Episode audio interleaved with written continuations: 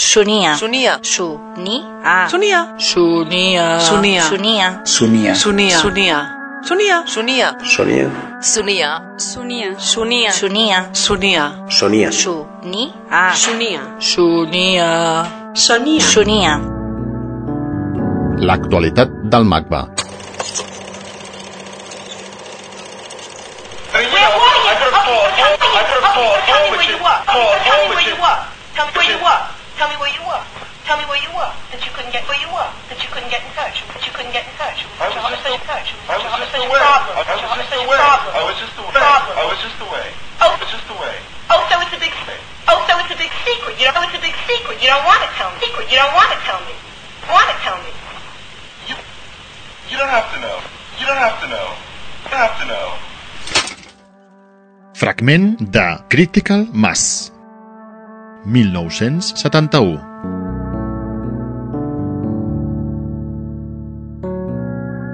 Hollis Frampton.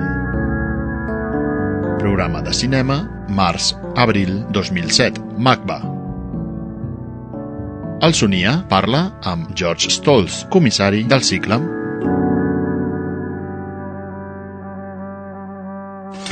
Hollis Frampton fue una persona clave no solo en el cine experimental estadounidense o neoyorquino de los años 60 y 70, pero también en el, en el arte conceptual en ese momento, que, que fue un momento de, de- de mucha investigación, de, de mucho movimiento, en- y, y él, ah, aunque al final decantó en- al cine, fue una parte de un movimiento más, más grande, más eh, extenso. Poesia Ezra Pound. No empezó como cineasta, llegó al cine después de, varias fases de su vida. Artísticamente empezó sobre todo como poeta. Estudió literatura y, y idiomas. También fue un, pues, eh, habló y, o leyó alemán, inglés, latín, griego. Le interesó mucho la- las lenguas clásicas. Pero empezó como poeta. De hecho, cuando dejó la universidad, que lo dejó sin completar sus estudios, fue ah, a estar con Ezra Pound, el, el gran poeta modernista, que en ese momento Ezra Pound estaba internado en un manicomio, pero estaba ahí escribiendo y tenía su, su, su cortejo, sus seguidores, estaba... Y, y fue allí Hollis Frampton para estar con el, con el maestro y pasó un periodo de su vida con Ezra Pound escuchando como Pound eh, leyó los cantos, porque Pound en ese momento estaba trabajando en su gran obra ah, inacabada también, que eran, se llamaba Los Cantos, y eh, Pound escribiría y luego por la tarde estaría eh, fuera del manicomio o en la sala de visitas, leyendo en voz alta y hablando y comunicando con, con sus seguidores y Frampton estuvo allí. Pero al final esa experiencia, dijo Frampton, le, le hizo abandonar la poesía definitivamente. Ah, nunca explicó exactamente por qué. Nova York, fotografia. Fue después a Nueva York. Se dedicó a la fotografía. En ese momento, fotografía fija. Ah, hizo series muy largas, retratos de Nueva York, retratos de amigos. Trabajaba en también como mm, retratista, ah, sobre todo de artistas, cuando le tocaba tener una foto en una revista o un catálogo, de, también documentando obras de arte, pero sobre todo sus propias ah, fotos.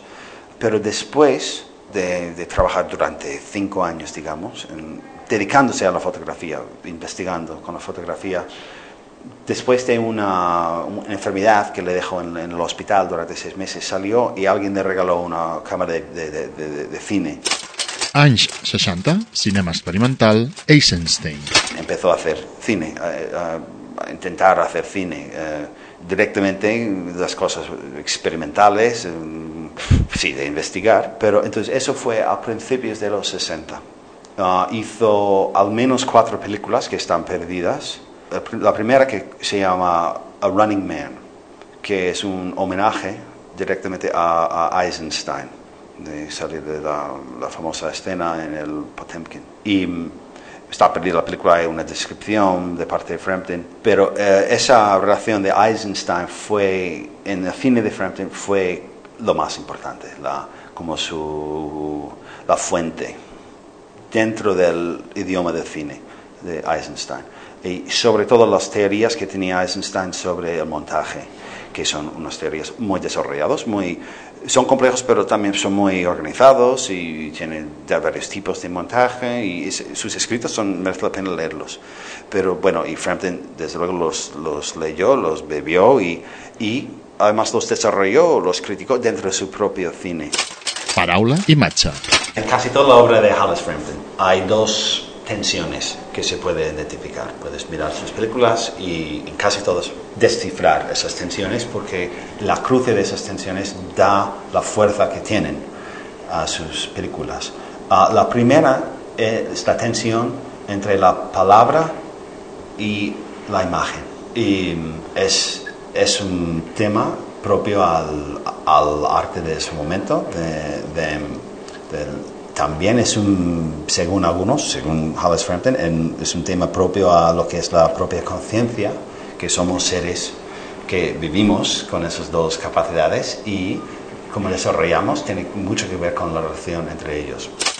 Imatge fixa, imatge en moviment. la tensión entre el imagen fija y la imagen en movimiento. Eh, pues sí, se ve desde luego claramente con el- lo que es entre la, la- una- la fotografía fija y el cine, pero hasta incluso dentro de lo que llamamos cine, el cine, la cine, el cine está compuesto de imágenes fijas. Es una paradoja a base de todo el cine. Eh, representamos o, y- o percibimos movimiento, pero las imágenes no están moviendo. La cinta está moviendo, la máquina está moviendo, pero las propias imágenes no. Es un pequeño engaño que nos hace nuestro propio ojo. Ah, es, la base de todo el cine. Eso no es un descubrimiento de Frampton, pero Frampton sí se puso a, investigar e indagar eh, el tema. Le interesaba mucho. Entonces, esa, esas dos y esa la cruce de esas dos tensiones forma un motriz en todas sus películas y se ve, por ejemplo, en, en el hecho de tantas de sus películas tiene ah, la combinación de una cámara que no se mueve y un objeto que sí se mueve o un objeto que parece que mueve. Mm, Bueno, hay, hay todo un juego. Pintura, Magellan. Frampton estaba de- en los años 50, casi se hizo pintor, estudió pintura, estaba con pintores, sobre todo en esa época cuando se agotó el, expresionismo abstracto y se abrieron nuevas fronteras en, en lo que era arte plástica. Hollis Frampton no fue por ahí, pero sí estaba relacionado y en sus escritos o en sus diálogos o en sus cartas se, se ve que estaba muy muy interesado en, en lo- en la pintura y Magellan, gran parte de Magellan tiene, par- tiene un enfoque hacia lo que puede hacer la cámara para reflejar lo que fue la pintura. Thorns Lemma. La obra más lograda de este cineasta tan empeñado en experimentar, investigar. Ah, el- la, la obra quizás más lograda o más conocida es, eh, pues son Nostalgia y Zorn's Lemma. Ah, Zorn's Lemma es, es una película de, que dura una hora, Ah, está dividida en, en tres partes. Puedo describirlo un poco, pero en realidad es una experiencia en sí, una experiencia visual única. Eh, este no es cine convencional, no, ninguna película de Hollis Frampton tiene una historia, no tiene una línea narrativa, no, no, no, no cuenta nada en ese sentido. Zorn's Lemma, por ejemplo, es, está ah, la parte central de las tres partes está organizado ah, alrededor de una, un, teorema matemática sobre la teoría de conjuntos que fue de un matemático que se llamaba Zorn, porque a Hollis Frampton le interesaba mucho la matemática, yo creo que le, a él le interesaba todo. Entonces organizó esa parte, la, la parte central y la parte más larga de la película, ah, sobre esa, esa teoría que sería inútil que lo intenta describir en ese sentido, hay que ver la película, pero sí puedo comentar que tiene que ver otra vez con, la, con el lenguaje y la imagen y cómo nuestra conciencia adapta ah, ah, y está basada en esa, en esa relación. Hollis Frampton, teòric. Aunque se conoce como cineasta, fue, pues fue, fue, como dije, fue un profesor, fue un conferenciante, fue, y fue un teórico. Un teórico sobre el cine, fotografía y, y sobre el vídeo. Escribió más sobre el vídeo que, que trabajaba con el vídeo. Hizo una serie de ensayos, escribió una serie de ensayos que se, va se ha publicado aquí en el, en el MACBA para coincidir con este ciclo de cine y seleccionando de los, una selección reducida de, sus ensayos, que es la primera vez que se puede leer en, en castellano. Además son difíciles de, de conseguir, al menos en inglés, ah, aunque Hollis Frampton fue muy, tenía muchísima influencia en su día, ah, escribiendo sobre todo en Art Forum y October, revistas de- que, que fueron claves en el, el debate. De- ah, y él fue realmente una parte de ese movimiento. Pero Hollis Frampton se murió en el 84 Ah, y el único libro que había recogido de sus escritos se agotó rápidamente y desde entonces no se ha vuelto a publicar. Entonces, para la gente que eh, estaba presente, que sus contemporáneos, sí ah, fue una, una voz un- muy importante, pero posteriormente, en cierta manera, se, se perdió.